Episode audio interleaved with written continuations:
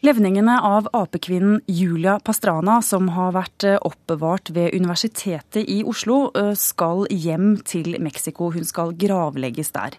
Hun var en av verdens største attraksjoner eh, på underholdningshimmelen, både før og etter sin død, men nå skal hun altså få hvile der hun kom fra opprinnelig.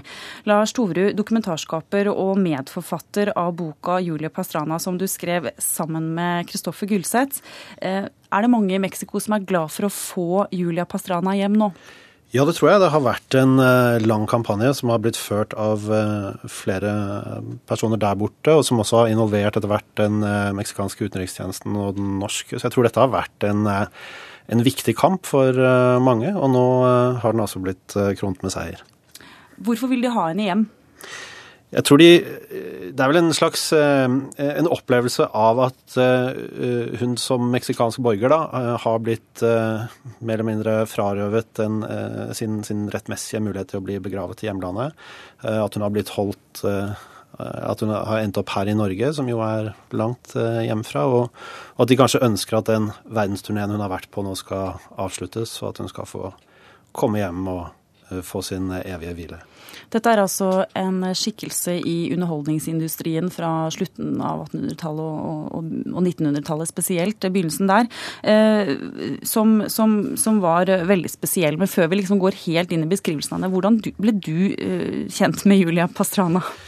Det var vel tilbake i 93 eller 94 så var vi på eh, Rettsmedisinsk institutt i forbindelse med en dokumentarproduksjon.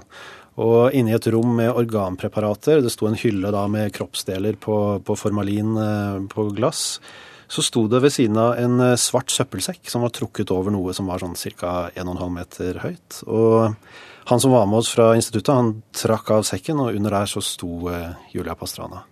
Hva så du da? Det var en eh, kvinne som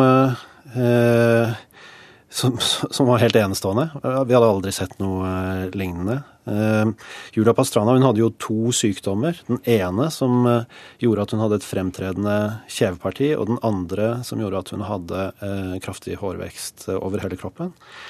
og det, det, å se henne der da mer eller mindre stoppet ut, da, eller balsamert, var jo spesielt, for det er jo ikke ofte man ser mennesker i den situasjonen.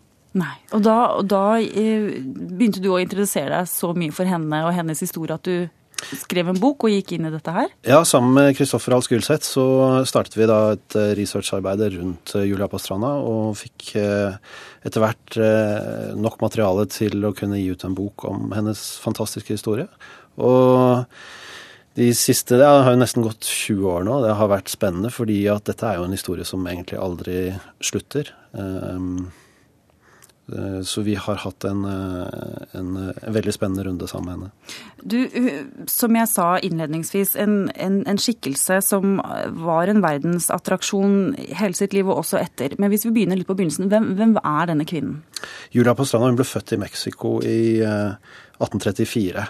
Eh, Ehm, på den tiden så var det jo vanlig at hvis man ble født med en eller annen form for defekt, så ble man jo enten sperret inne eller tatt livet av. Eh, det som skjedde med henne, var at hun først tjenestegjorde eh, hos den lokale guvernøren.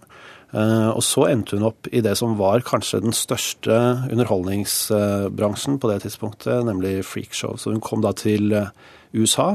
Og etter hvert så kom hun i kontakt med en manager som het Theodor Lent og de fortsatte da å turnere i USA og i Europa. På et tidspunkt så gifter de seg, og Julia Pastrana blir eh, gravid.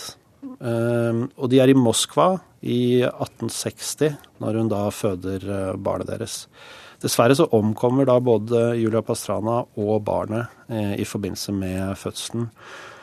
Og det han gjør da, mannen hennes, det er å, få en Eh, balsamert, eh, og også barnet. Eh, de blir solgt til en russisk professor, men han angrer seg etter en periode og kjøper henne tilbake, og også sønnen. Og det han gjør da, er å fortsette verdensturneen, men da med både Julia Pastrana og barna hennes i balsamert tilstand. Hvordan i all verden havner hun i Norge? I Norge så blir hun så Hun kommer hit via Lunds tivoli. Eh, i 1921. Eh, Og blir da turnert både i Norge og Sverige og rundt om i Europa eh, som en del av eh, samlingene til Lunds tivoli. Dette her var helt vanlig. Hun ble stilt ut så sent som på begynnelsen av 70-tallet. Og det som skjedde var Mot slutten så begynte folk å reagere på utstillingen. Og tivoli vurderte da Eh, dit hen at de ikke ønsket å stille henne ut lenger. Og hun ble plassert på et eh, lager i Groruddalen i Oslo. Eh, hvor hun så en dag ble både hun og barnet stjålet. De endte opp i skogen utenfor lageret, forlatt av de som hadde stjålet henne. Og mm, ble så funnet igjen og overlevert til politiet. Og siden det så har de vært på Rettsmedisinsk institutt og Universitetet i Oslo.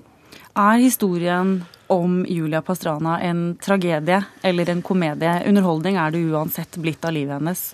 Sett med våre øyne så er det jo i vår tid så er det jo en, en tragedie. Men som jeg sa innledningsvis, så, så var jo alternativet atskillig verre eh, den gangen. Um, og man behandlet jo mennesker som var annerledes, svært dårlig. Eh, sånn at det som er uakseptabelt for oss i dag, det var nok ikke den verste utgangen eh, den gangen. Samtidig så liker vi å tro at vi er eh, mye bedre, at vi ikke driver med den type freakshows i dag. Men det er klart Det spørs vel om det ikke er en slags sånn evig menneskelig ønske, det å kunne se mennesker som er på en eller annen måte skumle eller, eller tragiske. Både fordi vi ønsker å bli skremt, men også fordi vi ønsker å se noen som vi kan føle oss litt heldigere enn. Nå skal hun eh, hjem og få hvile i Mexico uten verdens blikk på seg. Takk for at du kom, eh, Lars Toru i Kulturnytt.